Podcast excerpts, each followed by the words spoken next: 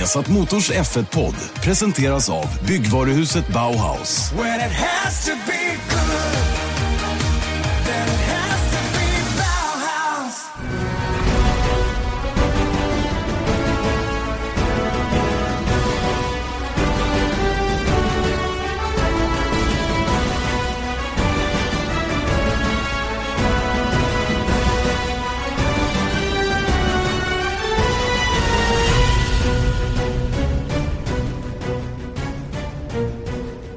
Ohyggligt varmt välkomna till Viasat Motors Formel 1-podd, eh, upplagan inför säsongens fjärde VM-deltävling i Formel 1, Azerbajdzjans Grand Prix. Eh, Erik Stenborg, Janne Blomqvist eh, med dig den här eh, runda timmen där vi ska snacka upp det här eh, kommande Grand Prix, men en hel del annat också Erik. Men eh, allra först, eh, allt under kontroll hoppas jag. Ja, ja barely, om man säger på, på engelska. Men eh, vi kämpar på. Du, de skojar lite med dig folk tycker jag på sociala medier om att du blandar in lite svenska emellanåt. Jaha, ja det har jag inte märkt. Men nu, eh, nu, nu förstår jag. Det var lite Det- kul tycker jag. Det är andra som gör det. Ja, just det. Ja, Mm. men nu, Du nu kommer- vet jag du precis kommer ihåg vad det handlar om, ja, nu, nu vet jag precis. Ja, ja. Men så är lite problemet. Men det var ju också att jag blandar in engelska när jag pratar svenska i grunden. Mm. Och sen så tvärtom. Så Exakt. jag måste ju hålla det jämnt upp. Ja, eller man måste ha en balans i alltihopa. Och det här med att, att, eh, att eh, speciellt Formel 1-språk blir förengelskat, Mm. eller vad man ska kalla det, det är ju inte så himla konstigt. Det finns ju massor med fikonuttryck som, som eh, vi använder oss med glädje av faktiskt. Och det, det, blir, det låter ju fånigt. Skulle en utomstående lyssna på vad, hur man pratar och på vilket sätt man uttrycker sig om stintar och, och allt vad det nu är, så, så, så, så låter det ju förmodligen inte klokt. Nej, men du, översätt stint. Det är inte så himla lätt alltså. Nej, nej jag, det, är ju, det är ju därför jag använder ordet hela tiden. Och så, så där blir det ju att man, man, man hittar engelskan i ett mycket mer, eller har st- en större bredd just när det gäller racingtermer också. Mm. Även, även om vi, det finns säkert fina svenska ord, men det, många blir ju liksom så, eh, vad ska jag säga, vedertagna. Att man, eh, att man, de blir liksom okej att använda på något sätt. Downforce, hur säger man downforce på ett kort smidigt sätt på svenska utan att det låter corny? Marktryck, det är ju det man Marktryck. kan ja, göra. verkligen va, men det låter corny. Ja, ja, det låter jättekonstigt. Men det är det som är svårt tycker jag, att när folk som kanske journalister som skriver om Formel 1 Mm. eh, helt plötsligt skriver helt på svenska. Mm. Då märker bra. man kanske att nej, de här kan ju inte. Nej. Det är, så Eh. man, det är så man i alla fall ser på det. Sen kanske Mm. de kan, men de, de kanske har ett, eh, ett, eh, ett, någon som säger till dem att nu skriver du på svenska, det är en svensk tidning där, håll inte på att tramsa. Jag tvivlar på det Nej. faktiskt. Ja, men det är just den här grejen att så här, första omgången däck blir ju typ, eller jag vet inte vad man ska, första delen av racet Mm. Men det är ju ofta som vi översätter saker också från förintervjuer. Och så bara, okej, men hur var ditt race? Ja, well the first stint was okay but uh, I lost some downforce on the, uh, on, on the, uh, on, on my second stint. Man Mm. bara, Mm. ja, det låter ju lätt för man förstår ju vad de menar men det är inte så lätt att översätta så att det ser bra ut. Nej. Nej. En utmaning alla sätt, Mm. på alla sätt och vis. Och jag ska vara väldigt noga med att säga att jag älskar svenska språk. Jag tycker det är kul med svenska språket. Jag uppfattar väl kanske inte att jag är någon stjärna på det. Eh, var inte speciellt engagerad i skolan. Hatade att skriva uppsatser och sådana grejer. Det syns säkert i min blogg. Eh, men, men, men i tal och sådär så uppfattar jag ändå att jag, jag försöker hålla någorlunda städad svensk nivå på mitt Och sätt att brett prata. ordförråd också. Ja, det är också en sån där sak som man behöver ha när man är kommentator i synnerhet. Då, att man hittar olika saker. och Vi får ju på, påpekanden emellan, mellanåt med vissa ord som man kanske inte ska använda så mycket och man ska hitta eh, synonymer för och så vidare. Va? Men, men eh, ibland slarvar man, helt klart. Men eh, jag, jag vill bara vara tydlig med att jag försöker vara noga i alla fall. Jag gör så gott jag kan. Det är bra. Och det, om det är några aspirerande kommentatorer där ute så had, var jag på en föreläsning, eller vi hade en föreläsning här på jobbet eh, med Lasse Kink. Och Mm. hans nummer ett råd var läs böcker. Mm, det är en bra idé. Så det, det kan ni ta med. Mm, verkligen, verkligen. Um, Azerbajdzjans Grand Prix, ja. Baku, där har du aldrig varit va? Nej, har inte varit. Eh, Baku, då får jag stå för, för eh, intrycken så att säga, därifrån. Och vi har ju varit där två gånger nu. Eh, för, för dels Europas Grand Prix och förra året Azerbajdzjans Grand Prix. Tydligen så ligger ju Baku i en liten remsa av Europa. Eh, och det är på stranden av Kaspiska havet om jag har förstått det hela rätt. Och eh, banan ligger väldigt fint nere i den nya delen av stan där man väldigt mycket har påkostat eh, byggnader. Och det är som ett stort, jag vet inte vad det är egentligen, men det ser ut som ett stort palats precis bakom bandepån. Eh, men runt omkring där så är det nya hotell. Marriott har ett stort komplex och Hilton har ett stort komplex. Och, eh, ja, förarna bor på något av dem. Teamen också tror jag och kan gå in till bandepån utan som helst problem. Det tar ett- tre, fyra minuter bara att komma in i paddock. Så, så på det viset är det väldigt praktiskt för alla som är där. Vi journalister har lite utspridda mediahotell för de som använder sig av det. Vi hade turen den här gången att få ett hotell som är bara 200-300 meter från entrén till banan. Så att det, det är ju sånt som är sjukt praktiskt och bra på alla sätt och vis. Jag ska ärligt säga att jag har inte sett mycket av Baku när jag varit där. Um, ja, det, det sägs ju att den gamla delen, eh, gamla stan där är väldigt vacker och, och på många sätt eh, fin att se. Och sen finns det ju andra delar av det som man har åkt genom med taxi när man har sett. Som, som ser jätte, jättefina ut. Va? Men i ärlighetens namn, vi håller oss kring bandepån och hotellet. Som vanligt. Ja, men det blir ju ofta så. Ja. Faktiskt, ändå. Eh, De gånger vi har varit där tidigare så har vi kört betydligt senare på året, vilket betyder oerhört mycket mer temperatur. Högre temperatur heter det väl då om vi ska prata svenska, eh, det vill säga varmare. Eh, och eh, i år eh, så är det lite andra förutsättningar och jag tycker faktiskt att det är lite intressant att höra Pirellis Race Preview den här veckan då med Mario Isola där han pratar om, om Azerbajdzjan och Baku och att racea. Vi börjar med det så kan vi komma till, till själva racet så småningom. Um, first of all, we have Baku in April instead of June, so I, I expect uh, colder temperature, and obviously these affect uh, a little bit the performance of the tires. In Baku, we have the soft, super, and ultra soft. Uh, we are we are obviously softer than last year.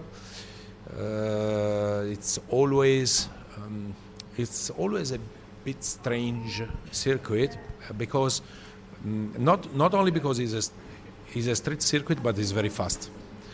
Okay, you, you have this incredible straight line of more than two kilometers that is unique, but also the circuit because you have a part in the uh, modern city and a part in, a, in an old city.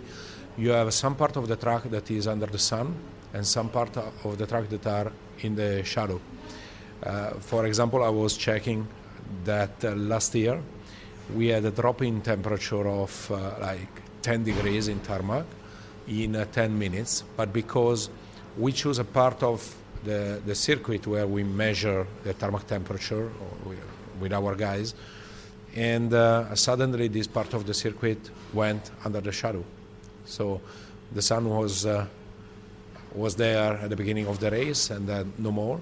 And obviously this changed uh, uh, a lot the, the situation. Um, so drivers have to understand also where to put the wheels, you know, in uh, in this condition. Is it in a particular area of the track which is more important than the other? You're talking about the long straight, but any corners? Yeah, the long straight because uh, it becomes a, a, a compromise between uh, the the downforce and the speed. Obviously, with the new cars, especially with the new cars, we have a lot of drag coming from the additional downforce and the wider tires. And uh, but but the speed is important on the straight. Otherwise, uh, it's it's a point where overtaking is possible, and a car cannot be too slow.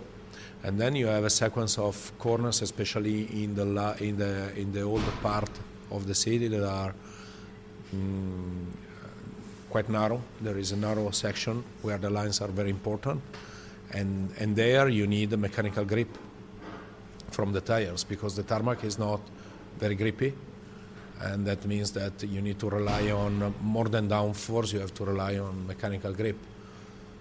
So uh, strategically, uh, a two-stopper. I know that's the aim for every race. Basically, is Yeah, it it is it possible?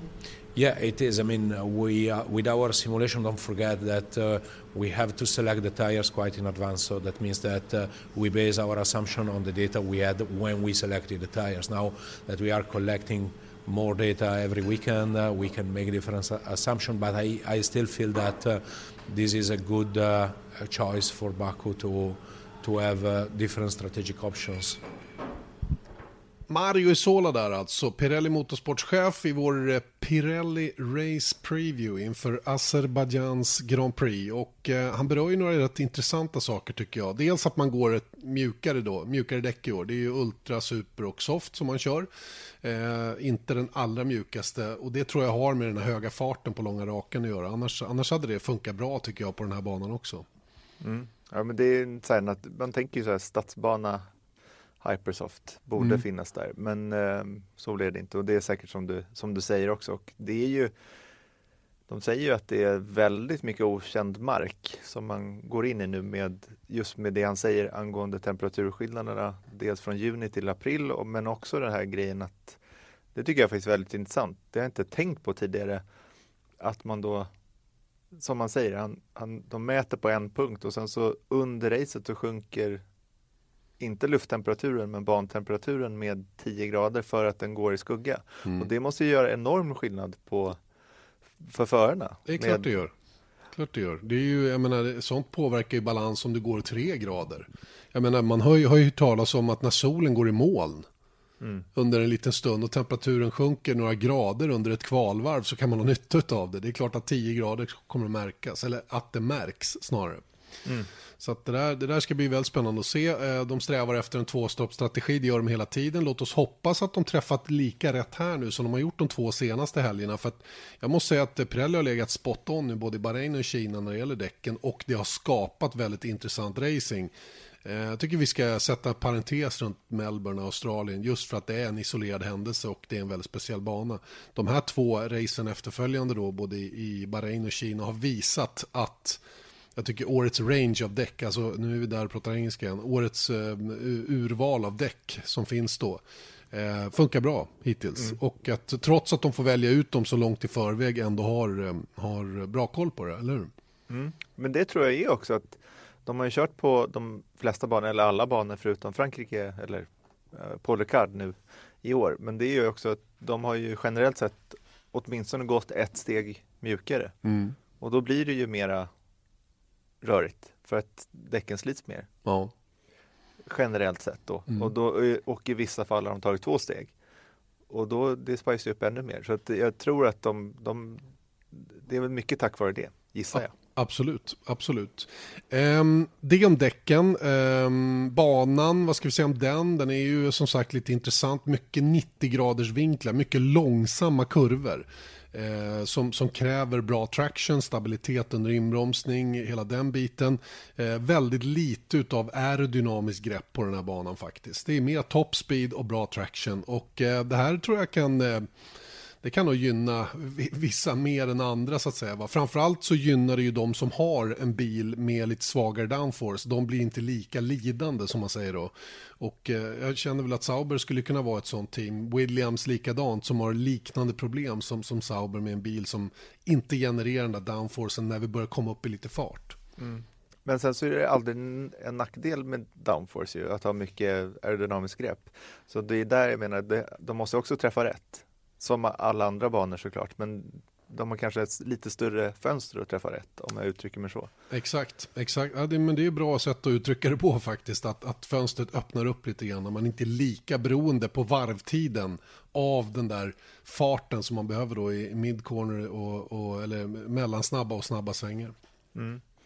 Men sen så sett till racen tidigare, för det första måste jag säga att jag såg polvarvet förra året då och det var ju, vad det nu då, Bottas kanske? Nej, det var nog inte Bottas. Var Jag såg, någon, jag såg någon som körde ett polvarv i alla fall, men apropå att det är 90 graders och mycket långsamma. Det är ju hela första sektorn, första kurvan 90 grader, andra kurvan 90 grader, tredje kurvan 90 grader, men det är sjukt snabba kurvor också. De går in med liksom attacken då. Jo men sett till var man är någonstans, på liksom, hur banan är utformad så går det ändå fort där in. Så att, Vi- eh, och sen så hela rakan där, det är F1-kalenderns längsta fullfartssektion. Mm. Över två Så kilometer? va? Ja, 2,2 2,2 kilometer kör de full gas. Det är är- ganska speciellt. Mm. kommer att slita på maskinerna såklart. Ehm, det var Lewis Hamilton som körde snabbast i Q3. 1.40 och 5.93. Vi hade en track evolution på 3,8 sekunder från FP1 fram till Q3.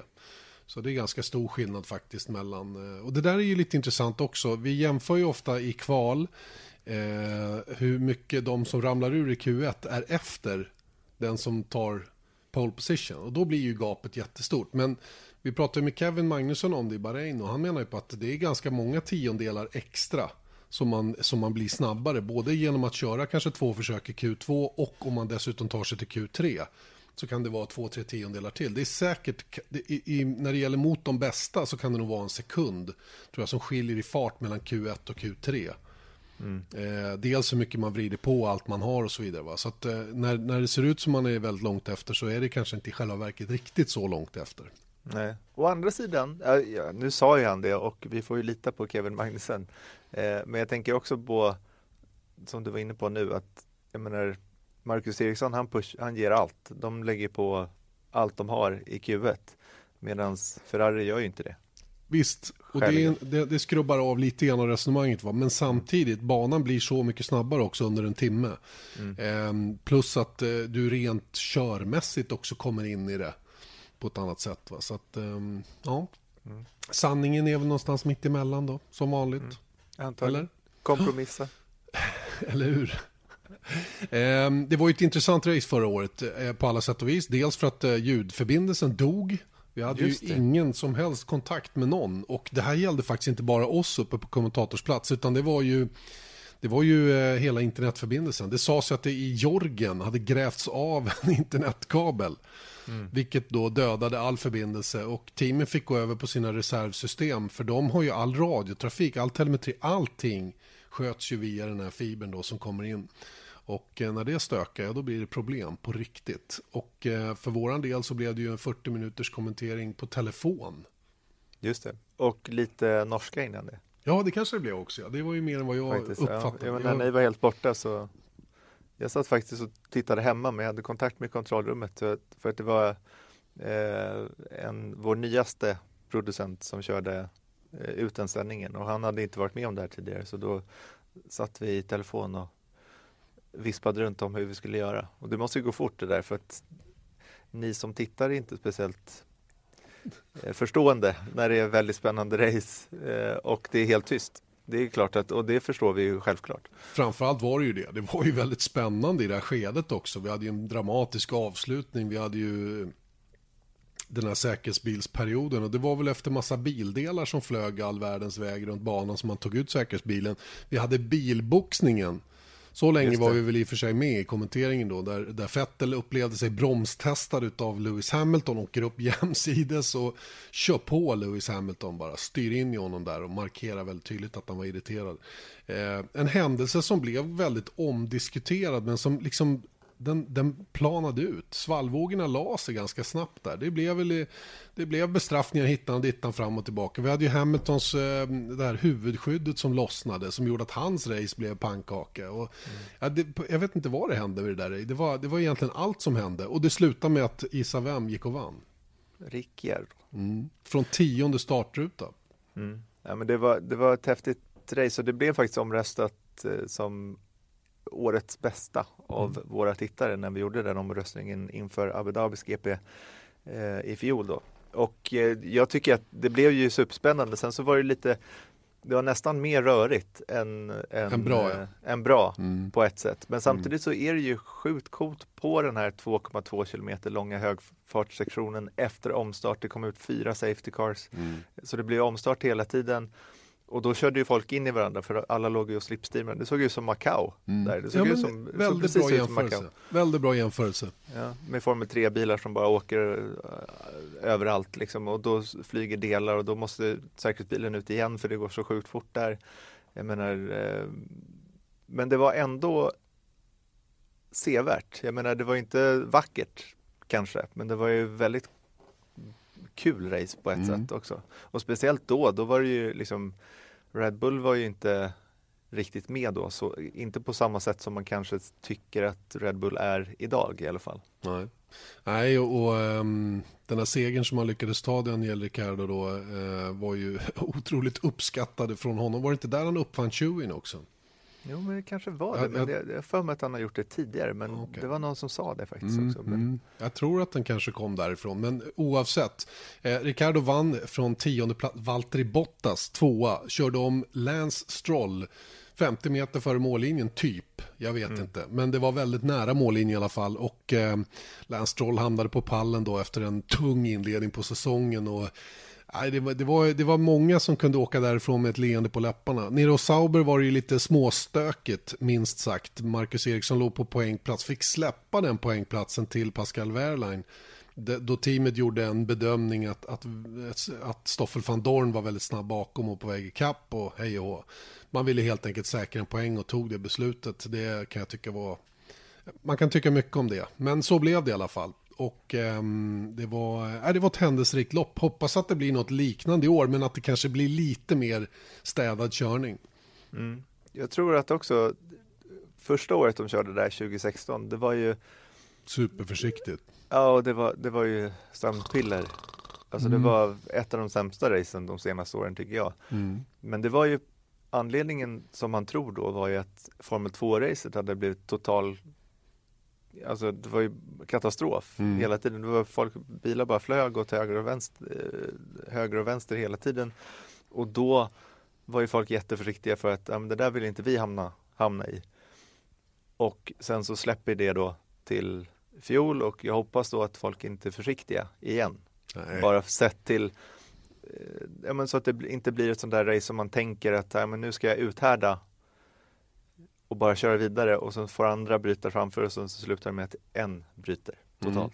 Det kan ju finnas sådana race ibland. Oh, absolut, absolut. Nej, jag hoppas precis på raka motsatsen. Full attack, typ det vi såg i Kina, andra halvan då. För första halvan var ju väldigt avvaktande, men andra halvan blev ju full attack verkligen. Full attack. Och eh, det gick ju mindre bra för vissa och det gick väldigt bra för andra. Va? Så att, eh, jag tycker det, blir, det var superspännande. Jag hoppas verkligen att den här däck, de här däckblandningarna kan bjuda på något liknande eh, när vi kommer till, till Baku. Eh, Men som vi har påtalat då, det är andra temperaturer i år. Jag har kollat lite väderprognoserna för Baku och det ligger på runt 20 grader dagtid. Och ingen nederbörd så vitt jag kan, kan se. Torsdag 20 grader helt soligt. Eh, lite mer moln fredag 23 grader, lördag 24 grader, mm, växlande molnighet och sen 18 grader på söndagen och mulet. Eh, Det är prognosen just nu då, men då är den ganska långt i förväg då, så att det hinner väl kanske justeras till. Men där i kring ligger vi, istället för 30-35 grader som det var där när vi var de två första upplagorna. Mm. Förra söndagen var det 28 grader varmt i luften vid racestart. Lyckades jag läsa mig. Ah, Okej, i Baku. Ja, men det är ändå stor skillnad. Det är 10 grader och om det inte är sol heller så säger det mycket om asfalten som vi pratade om också. Verkligen, verkligen. All right, vi, det, det är bara att hålla utkik. Det kommer att bli ett spännande lopp eh, som eh, em, kommer att köras över, eh, ska vi se hur många varv det var nu. Jag måste backa tillbaka och titta. Ehm, vi har ju ett fint litet statistikpaket, men då har han naturligtvis inte skrivit det här. Jo, 51 varv. 51 varv ska köras. Och ehm, det, är, ehm, det, det kommer att bli en tuff eftermiddag tror jag för, för samtliga. Eh, att köra på den här eh, rätt så tekniskt krävande banan. Sen har vi den här förbi borgen där. Vad är det? Var 8, 9, 10 när man ska igenom den här 6 meter breda passagen.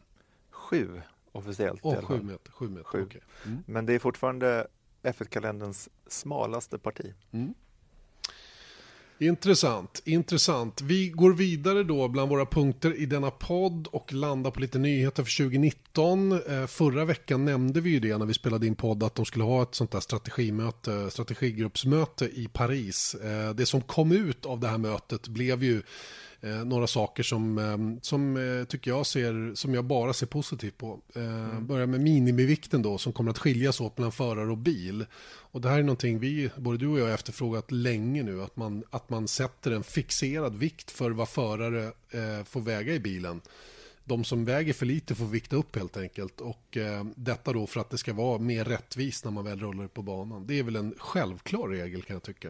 Mm. En regel som dessutom funnits i till exempel DTM hur länge som helst också. Mm. Så att det, det, ja, det är just den där grejen. Men det är väl samma visa som vanligt att man inte kommit överens. Jag vet ju att eh, när frågan var uppe 2014 när de här nya turbomotorerna infördes och det var jätteproblem för nästan alla team att komma ner i vikt.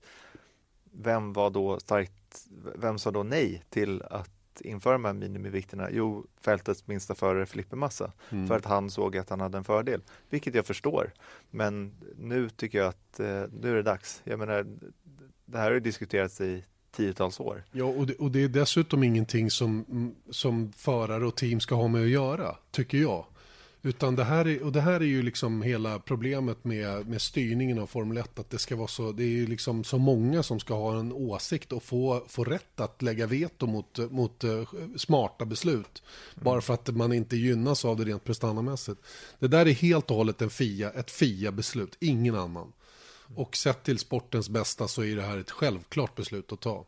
80 kilo ska förarna nu väga, med, inklusive stol. Eh, varken mer eller mindre.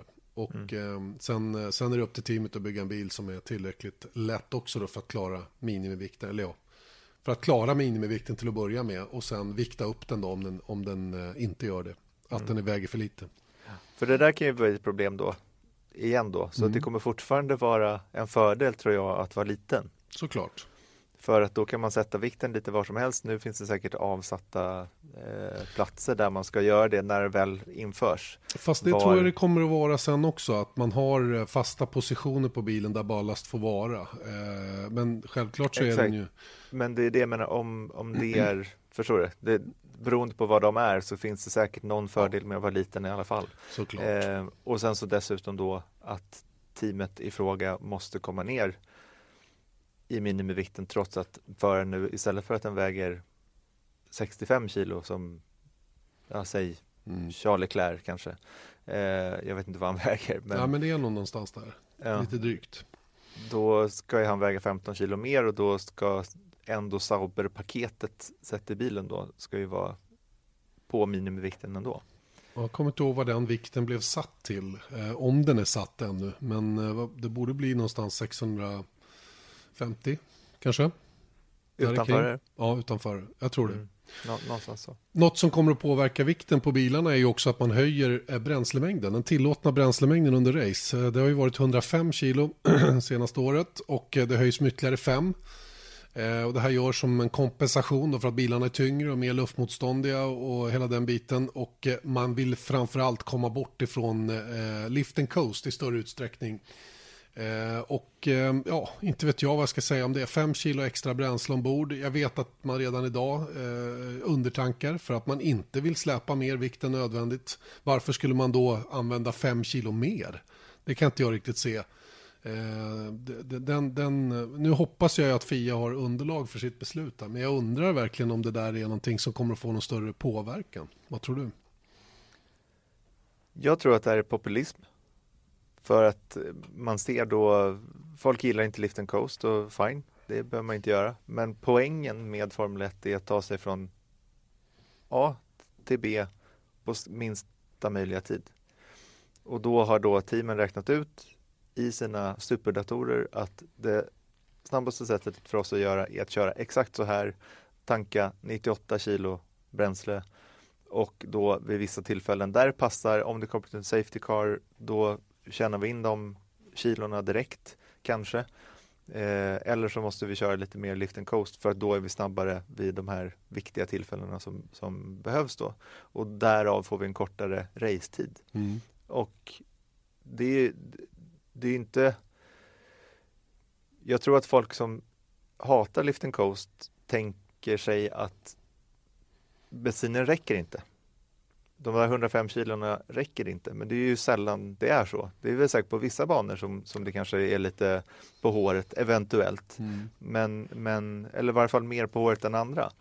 Men 110 kilo kommer inte göra någon skillnad alls, tror jag. För jag tror också en ytterligare aspekt i det här med att inte köra på full gas, jo men det är ju däcken. Mm. Däcken ska inte hålla. eh, De, de håller liksom inte för att köra full fräs hela tiden. Och det är en poäng i det, för att om, vi, om Pirelli bygger däck som håller är lika snabba fram till det en, enda stoppet som är i racet och sen så är de lika snabba in i mål. Då finns det liksom inga variabler, nej, variabler f- som gör att folk kan fightas med varandra. Nej. Och jag menar, det är faktiskt så att vi har sett det här. Det är inte hittepå från vår sida utan vi har fakta från tidigare reglementen om början av 2000-talet. Det är väl en jättebra exempel till exempel. Exempel till exempel. Ehm, eh, där det var så och racingen var förvisso full gas. Men inte speciellt spännande ändå. Exakt så. Exakt enas. så. Ja, ja, ja, självklart. Det var ju även när man tankade. Alltså under tankningen. Man tankade aldrig mer än man, man absolut måste. Och eh, det, var, det var verkligen fråga om lift and coast. Har alltid varit fråga. Och det roliga tycker jag är med det att det är ju det är ju, det, det är ju sådana grejer som gör det riktigt svårt att köra snabbt. Eh, Marcus Eriksson har ju beskrivit för hur han tänker runt omkring det där. Om han sitter fast i trafik och inte räknar med att kunna köra förbi och inte känner sig omedelbart hotad bakifrån. Då är det ett utmärkt tillfälle att köra lift and coast, kanske överdriva det lite grann för att ha marginal någon annanstans i racet när det är bättre, kanske direkt i början på en ny stint med nya däck, då kunna liksom hamra på riktigt och det. Här gäller det att vara smart.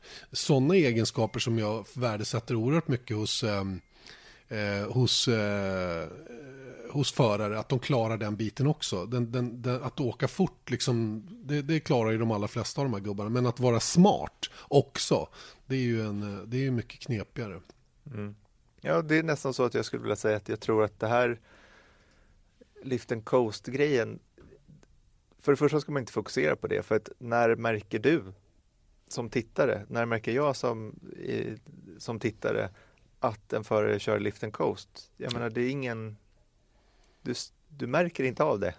Nej. Så att det är en känslomässig fråga och jag tror att lift and coast frågan, eller snarare att spara på bensin för att använda den någon annan gång, är någonting som ger väldigt mycket positivt för racing.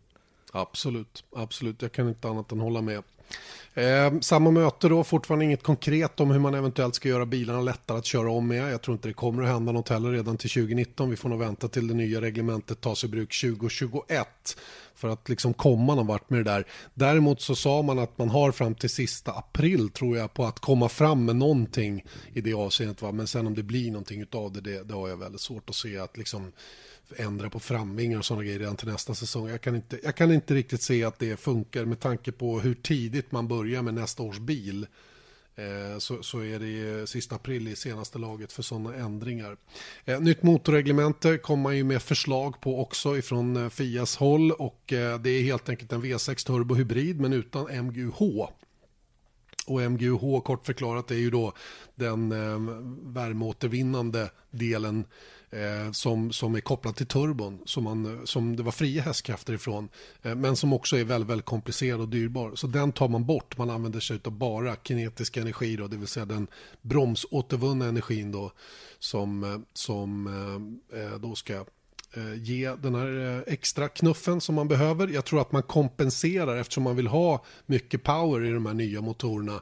Att man troligen tar bort då bränsleflödesbegränsningen på 100 kilo per timme eh, För att liksom och man har, ju- jag tror inte man har, eller man har ingen begränsning i turbotryck idag utan begränsning ligger i flödet istället. Va?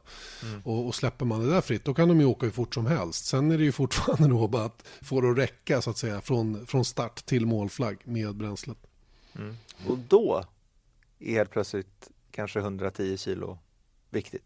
Oh ja, oh ja, absolut. Och du kommer att se bilar som är väldigt olika snabba under olika perioder på racet. Det, kan, det kommer man ju ihåg från den förra turboeran hur det kunde skilja enormt mycket i speed eh, mellan olika, eh, olika förare i olika skeenden av racet. Då. Deadline för nytt motorreglemente är satt den sista maj för övrigt. För eftersom de måste ha två år på sig Exakt. att eh, göra det här. Och det tycker jag var lite spännande för det hade jag inte riktigt varit beredd på innan de sa det förra veckan. Så att jag trodde vi skulle få vänta mycket längre till typ senhösten tills vi skulle få reda på det. Men nu kommer det och ehm, det ska bli jättespännande tycker jag att höra detaljerna runt det. Verkligen. Jaha ja, vad kan vi mer lyfta fram då den här raceveckan inför Azerbajdzjans Grand Prix? Ehm, innan vi gör det så ska vi ta en liten breather. Vi ska ta lite kommersiella meddelanden. Vi har satt Motors Formel 1-podd alltså med Janne Blomqvist, Erik Stenborg. Eh, sitter och pratar Formel 1, givetvis. Vi har avhandlat Azerbajdzjans Grand Prix. Vi har lyssnat på en Pirelli Preview. Eh, vad, vad Pirelli tror om det här racet rent däckmässigt. Vi har pratat lite nyheter för nästa säsong. Eh, en sak som vi inte tog med det var ju det här med biometriska handskar, Erik. Eh, de trodde jag var införda redan, men det ska tydligen införas till nästa säsong. Det är ju en, tycker jag, en, det, det är inte så mycket att prata om, utan inte speciellt kontroversiellt om man säger så.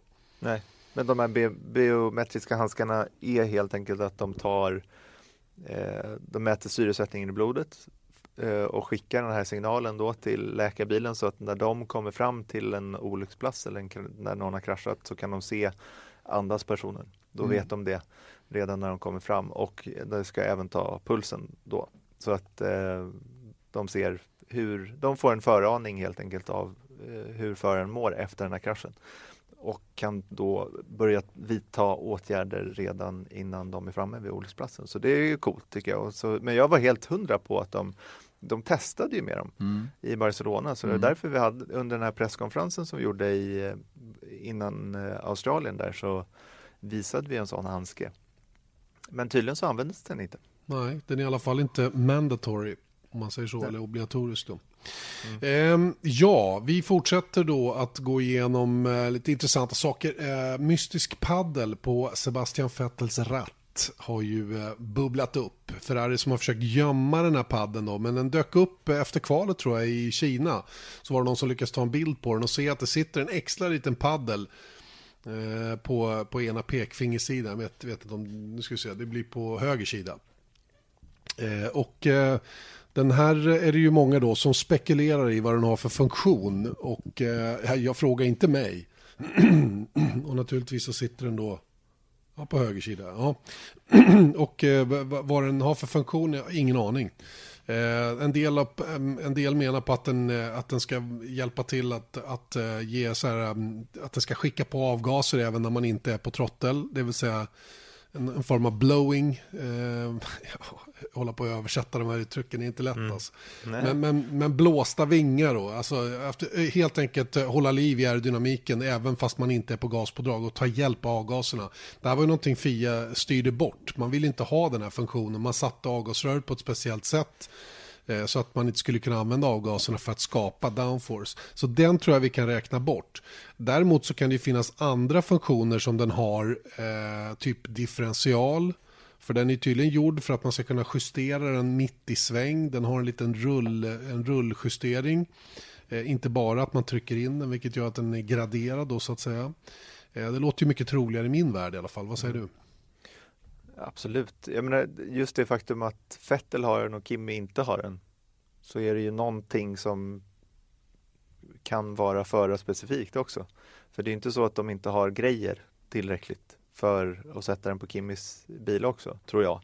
Men eh, det är väl någon, det, det kan ju vara någonting bara som Vettel upplever är ett problem med bilen och då här är ett sätt att överkomma det problemet. Mm.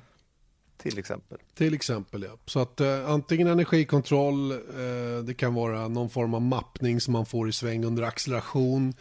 Eh, eller att man, det vill säga inte någon, inte någon traction control men, men en, ett, ett hjälpmedel för att kunna vara kanske aggressivare på trotten ut ur sväng. Eller om den är någonting som justerar differentialen då. Det som styr hur fort inner respektive ytterhjul snurrar i förhållande till varandra då. Som får bilen att rotera på ett bättre sätt. Alternativt få bort understyrning eller vad det nu kan vara. Men det är roligt med sådana här grejer för att det, det drar ju upp en spekulation för att nu är det ju ändå så här, okej, det är klart att det finns eh, kunniga människor även utanför Formel 1 som uttalar sig om vad det här är då. Men jag, jag gillar sådana här konspirationsteorier, att det här är någonting eh, major, det här är någonting jättestort då som, som händer och det dyker ju upp titt som tätt sådana här, eh, vad ska man säga, det är inte fusk. Nej teknikgrejer för att det kanske är någonting som inte ens, det, det är gråzon Ja, det finns, i allra flesta fall. det finns ett antal exempel på det och eh, jag tycker inte heller att det är fusk. Jag tycker att det är att utmana reglementet. Så har jag alltid uttryckt mig om de här grejerna. För jag tror inte att det är någon som fuskar med avsikt. För en, en konsekvens av att bli påkommen med ett regelrätt fusk, det är ju att man, det är liksom, det är katastrof för varumärken och allting. Det är ingen som vågar det. Däremot försöker man hela tiden vara smartare än reglementet och det är en annan sak tycker jag. Och det har ju, det finns ju väldigt coola bevis. Jag tänkte först så, minns du den här Fiddle Break? Mm. Den som McLaren körde alltså med eh, en tredje, ja, egentligen är det en tredje pedal i, i eh, sittbrunnen eh, som var som en extra brom, bro- bromspedal. Och poängen med den var att ut ur sväng så kunde man då hålla ner den lite grann samtidigt som man gav gas. Och då var det innerhjulet, för problemet då var att bakdäcken var ganska smala och eh, framdäcken var ganska breda för att vara framdäck då. Så att det understyrde ju väldigt mycket. Eller tvärtom tror jag att jag menar rent däcksmässigt. Men hur som helst.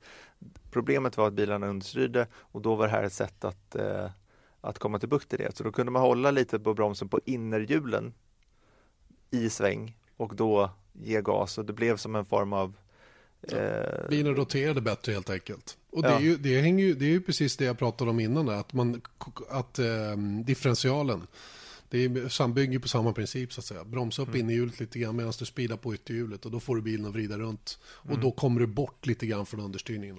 Mm. Och det är det som var eh, lite spännande med det här är att det finns ju en fotograf som heter Darren Heath. Han har varit med i Formel 1 hur länge som helst. Jag har faktiskt en, en eh, äkta signerad bild från honom som han har handlevererat till mig i Paddock. Coolt. Hur som helst, men han är en jätteduktig fotograf och han då, han är ute längs banan mycket och då upptäckte han, det här var säsongen 97, ja, mitten av 97 Mm. och då eh, tar han bilder och sen när han studerar bilderna efteråt så ser han att, "Men vänta, bilen är mitt i kurvan, är under ac- acceleration och då ser han att bromsskivan glöder ändå. Så han bara, nu är det någonting fel här. Så det gick ett antal helger och sen så är det, jag tror att det är Häckenen som bryter i något race. Österrike. Och då, ja, och då är han nära. Och det han gör då är att då springer han fram till bilen när den bärgas, stoppar ner kameran, drar av en bild. Eh, och då ser man tydligt då att det är den här tredje pedalen och då kommer det här ut. Vad, vad är det som har hänt då? Ehm, och McLaren själva säger att den här manicken då var värd så mycket som en halv sekund per varv och det är ju oceaner av tid i Formel 1 som alla vet. Ehm, de körde i alla fall slutsäsongen men alla teamen klagar ju och börjar även säsongen 98 med den här pedalen. Men då blir den då eh, förbjuden för att trumfkortet som teamen drar till då när folk har hittat, när ett annat team har hittat en speciallösning, det är att säga ja, men för att vi ska kunna hänga med, för att det ska kunna bli bra racing så måste vi lägga oerhörda pengar för att bygga en sån här själva. Eh, och det har vi inte råd med. Och det är liksom själva, det är tydligen eh, ruta 1A påtryckningen som teamen gör mot FIA Mm. när de ska komma runt sådana här problem. Men det finns ju flera. Det finns det definitivt och det som jag minns väldigt starkt det var ju den här massdämparen. Den här mot, motviktsdämparen som, som Renault använde sig av 2005 och som, blev, eh, och som blev väldigt i fokus. Jag tror att det var i samband med Tysklands Grand Prix. Vi var nämligen på Hockenheim då och eh, eh det här kom fram då och man förbjöd helt enkelt användningen av den här. Och det här var ju för att återigen kontrollera dive och pitch. Alltså bilens förhållande till marken. Eh, den ska ju vara så plan som möjligt hela tiden. Och det här var ju då när man gick över curbs och sådana saker så skulle den här motvikten då hålla bilen mer stabil eh, på något sätt som inte jag fattar riktigt hur det funkar. Va? Men, men det var i alla fall en, en, en sak som rörde sig i bilen och som påverkade aerodynamiken. Och det var mot bakgrund av den, ehm, den formuleringen i reglementet som man kunde förbjuda massdämparen. För att det får inte finnas någonting på bilen som rör sig som påverkar aerodynamiken. Och den här massdämparen åkte ju upp och ner då eh, för att eh, liksom kontrollera bilens eh, planhet så att säga då, mot asfalten. Då. Eh, den var ju eh, monterad inne i bilen så den hade ju ingen aerodynamisk påverkan på det sättet. Men man använde sig av eh, reglementsformuleringen då att no moving, no movable aerodynamic piece får finnas. Mm. Mm. Ska jag ta nästa? Som kan du få göra. Var, som jag tyckte var kul. För att Ja. det blev så snyggt på något sätt. Det är ju den så kallade F-dakten. Och det var ju under, eh, när var det? Det var ju säsongen 2009 va? 2010. 10, 10 var det. Ja, och då, då var ju poängen med det att de tog, hade ett, McLaren hade ett litet hål i, eh, fram till i cockpit. Eh, som då leddes genom sittbrunnen på något sätt eller liksom genom chassit och sen då när man höll för eh, antingen så blåste luften ut i cockpit i ett hål men om, då, om föraren höll för med handsken det här hålet då blåste luften mot bakvingen så att den stålade så att säga i, eh, vad är, vad är det svenska ordet för stål? Ja, den Men det- stagnerade. Jag vet inte. Den, Ja. Man tog bort bakvingens effekt en del i alla fall. Vilket det är i princip det man gör med, när man använder DRS. Det var samma princip fast det gjordes inte på samma sätt. Nej, så det var ingenting som rörde sig utan eh, eh, det var helt enkelt hur man ledde luften så att då blåste det på ett speciellt sätt över bakvingen så den slutade fungera i praktiken och därav mycket högre toppfart. Mm. Men det som var kul också då att hur det här upptäcktes, för man såg att McLaren-förarna hela tiden satt och tog bort vänsterhanden från ratten. Och så hade de dessutom någon slags här gummigrej på ovansidan av vänsterhanden. Och det var ju för att kunna hålla det där hålet tätt då. Så då såg man ju folk på tv-kamerorna och då måste ju folk, vänta vad, vad, vad gör de för någonting? Och då börjar ju liksom det är då man skulle vilja vara lite extra smart, alltså som de här ingenjörerna i Formel 1, så man kan räkna ut då, aha, de gör så här, då gör vi också det, för det gick ju fort alltså, innan att, eh, in, tills andra teamen hade det där. Renault hade det ju på bara några, några race senare så hade de också en F-takt. Så att eh, jag älskar sådana här grejer. Ja, jag eh, kan bara hålla med. Och, eh, ehm, det, har ju, det finns ju en uppsjö av flera sådana här saker naturligtvis. Man skulle kunna plocka fram då. Vi kan ju hålla på i all evighet. Jag tycker någonting som var cool som Williams hade på sin bil 1993. Det var ju inte bara aktiv fjädring. De hade något som kallades för continu, continuously variable transmission. Eh, och, och, och att ens, eh, alltså den, den justerar ju sig själv vart efter var den behövdes, behövde justeras. Och det, och det fanns ju massor med tid i det där ehm, att, att tjäna i det tydligen då beroende på hur man använder systemet då. Men, men ehm, det var också en sån där grej som var lite i gråzonen. Double diffuser som Braun eh, tog fram, det vart ju aldrig förbjudet under säsongen. Däremot så vart det kopierat av väldigt många.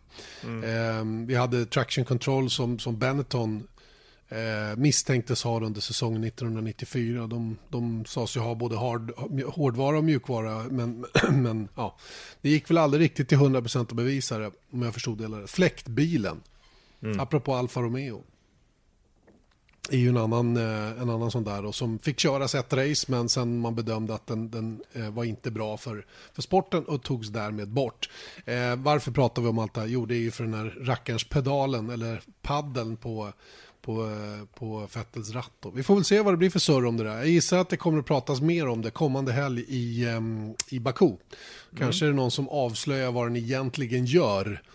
Eh, det är ju lite grann grej med Formel 1 att det är sånt hemlighetsmakeri också. Det är ju, det är ju på något sätt eh, det, är, det är lika kul som det är frustrerande.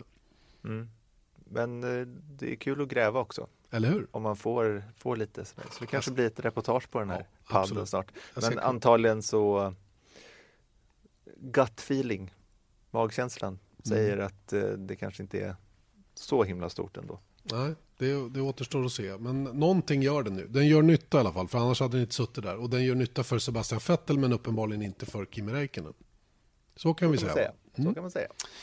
Eh, ja, vi rullar väl på här då och eh, landar i vårt, eh, vårt sista lilla ämne då i veckans podd. Och jag landade lite grann, jag har varit nyfiken på det här med Nico Rosberg, han är ju lite grann av ett fenomen. Han, eh, jag såg honom in action nämligen i, i Shanghai och han sprang runt med en egen fotograf, han har en egen YouTube-kanal och han är väldigt, väldigt utåtriktad på alla sätt och vis. Han jobbar inte bara för en tv-kanal, han jobbar för två tv-kanaler och han, han, han bjuder på sig själv på ett sätt som är ganska oväntat måste jag säga. Men samtidigt så börjar jag förstå att han, han håller på att linea upp någonting.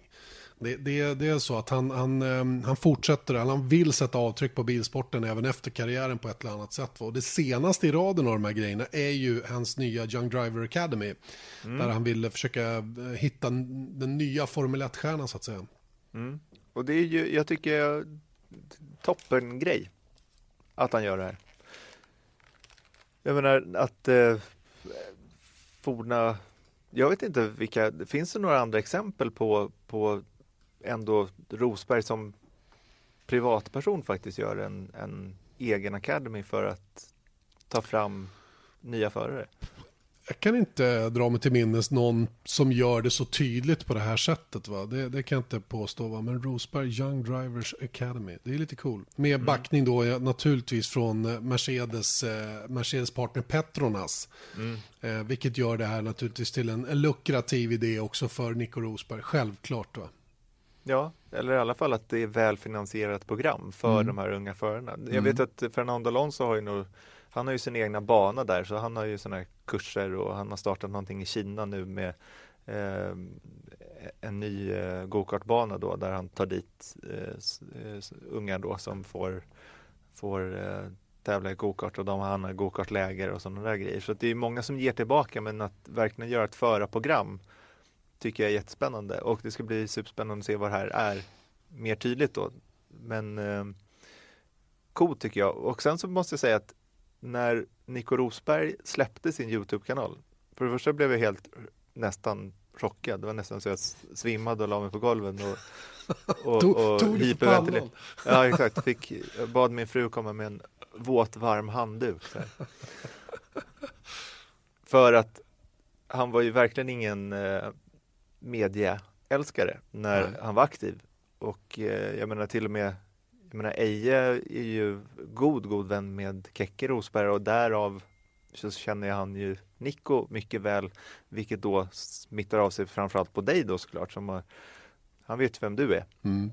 Men ändå är han ju otroligt avig människa. Usch, ja. Och sen så kommer han och gör sin egen Youtube-kanal och i början tyckte jag att den var liksom ja, någonting att somna till. Men jag såg faktiskt de här avsnitten som han la ut från Kina och han, det är bra. Mm. Det är väldigt kul tycker jag att få hans inblick i Formel 1 och han gör lite små analyser och han tycker till liksom. Ja, gör de det bara seriöst i det avseendet, då, då skulle jag absolut kunna tänka mig att kolla. Jag har inte sett någonting av det ännu. Va? Men, för jag känner att ibland blir de lite för kommersiella de här. Va? De är så otroligt noga med att, att prata om de här varumärkena som är med och betalar hela kalaset. Va? Så att, eh, det, det är ju, eh, men, men gör de det på riktigt på något sätt, va? Då, då tror jag att det här kan bli en, en, en succé på alla sätt och vis. Så jag, började, jag skrev lite noteringar när jag tog upp det här att han är Toto Wolfs efterträdare. Kan han vara det tror du? Jättespännande men eller är det någon annans efterträdare. Men det är ju helt uppenbart att han vill vara i, i grytan på något sätt. Va? Han har ju hoppat rakt ner i grytan. Eh, och eh, blandar sig i på olika sätt. Han har investerat pengar i Formula E om jag har förstått det hela rätt. Eh, Hur mycket det vet jag inte, eller om det är via någon partner han har. Eh, han var manager en kortare stund, i alla fall tillhörde han Robert Kubicas management team. Och det var ju för att trycka in Kubica i Williams. Det var ju hans push så att säga. Då. Eh, men nu, nu visar det sig att de har, de har avslutat sitt samarbete. Va? Men, men det är ju helt uppenbart att han är, han är med och, och rör sig på lite olika ställen här. Och, och vill synas och höras och, och eh, har uppenbarligen inte ledsnat på Formel 1. Nej, verkligen inte. Han, han, han syntes ju bara ett par, tre gånger kanske förra året. Men i år är han ju ute mycket. Men nu har han en annan roll i, i tv också. Så han måste ju vara där för att kunna, kunna göra det såklart. Men det känns som en... Första halvåret så hörde man ingenting om vad han gjorde. Då kändes det som att han var på typ livsrehab ungefär för att eh, lugna ner sig lite grann. Men nu helt plötsligt så kommer det hur mycket grejer som helst. Och jag menar eh, team och go-kart och driver academies och tv-roller. Han, han är ju överallt. Så att det finns säkert någon Jag tror att han säkert vill bli någon form av jag höll på att säga magnat, men Mm, jag tror inte det- att det är rätt eh, Det, var ord. mitt, det, det låg på min tunga också faktiskt, att han skulle bli magnat. Men vet du vad, jag tror att han jag tror att han älskar sporten och allt som är Men jag tror inte att han var så speciellt sugen på att köra eh, efter, när han väl slutade. Kört har han gjort så himla mycket, va? men däremot så verkar han ju vara, han är business-minded, det vet vi. Eh, det har vi hört från, från annat håll att han är väldigt intresserad av affärer och göra business och har många bolag som han har dragit igång och hela den där grejen. Va? Så, så jag tror att den delen av sporten tycker han nog är väldigt, väldigt spännande. Han har ju sin pappa då som har Team Rosberg då som har funnits i DTM länge och som nu även startat ett GT3-team i Blancpain tror jag det är. Eller om det är GT, GT Masters är det. Med Jimmy Eriksson för övrigt som en av förarna. Eh, och och eh, det är på något sätt, det håller på att expandera och, och jag tror att eh, det här är grejer som Nico, som han har varmt om hjärtat. En annan tänkbar grej är att han kanske siktar på att bli FIA-president eller någonting sånt framöver. Va? Jag vet inte. Eh, det finns ju en annan racerförare som har sådana ambitioner och eh, aspirerar på den posten. Det är Lucas de Grassi då som finns i i Formula E just nu. Han har ju varit väldigt tydlig med att han skulle tycka det var ett, ett kul jobb eller intressant jobb att ha. Mm. Och där har många förare sagt att de tycker att Lucas de Grassi ska åka Mm. dit då. Men eh, jag tror samtidigt att ja, jag, jag känner inte till Lucas de Grassi speciellt mycket. Men eh, jag tror att Nico Rosberg känns som ett bättre val. Samtidigt så tror jag att det finns en tredje person som vill kanske komma dit och det är Filippe Massa. Mm. Han är ju eh, ordförande i Karting Commission nu då. Och, men du, fa fattar du? Filippe Massas, alla hans Instagram-inlägg nu på slutet är bara från gymmet. Mm. Bara hänt? gym och sen så eh, skickar han lite skit på Williams också. Ja, ja, men det, det ingår i konceptet. Men Han ändå, tycker- jag, tror att han, jag tror inte att han var helt med på, På att bli utkastad. nej, Nej. jag tror inte det. Han kanske jobbar för en comeback. Ja, alltså jag tror inte han skulle säga nej om jag säger så. Om man tittar på uh, Barrichello till exempel, han hade, han hade ju kört idag. eh, om han hade fått, så Mm. att säga. Barrichello ja, som åkte på en tumör i huvudet. Mm. Det var ju lite obagligt. Dess bättre har han väl kommit tillbaka från det och inte visat några men i övrigt eh, runt omkring det. Han fortsätter ju att racea för övrigt i den här Stockcar-serien som de har i, i Brasilien där. Mm. Ja, jag vet inte var vi ska landa någonstans i Rosenberg, vad han ska bli, men däremot så tycker jag att han är, eh, det är en spännande person just för att han avslutade sin karriär som han gjorde och nu att han blandar sig in. Så det ska bli spännande att följa och se var, var det landar någonstans. Mm. Ny Young Driver Academy, han har investerat i Formel E, han har varit manager åt Kubica. Jag påstår att han siktar på att kanske bli boss hos Mercedes på sikt. Problemet tror jag vad gäller med Toto Wolff är att jag tror att han kommer nog sitta där så länge han bara kan. Ja. ja, det är möjligt. Det är möjligt att Toto Wolff är liksom sugen på det, för jag tror det är ett slitigt jobb nämligen. Jag tror inte att det är någon dans på rosor att sköta det där i all evighet. Men, Nej. Sen så ska jag sä- säga att jag har hört ganska fasansfulla grejer om Toto Wolff. Inte liksom eh, bara lite sättet han gör business på, att det, Asså. det är lite utpressarstil och sånt där. Åh.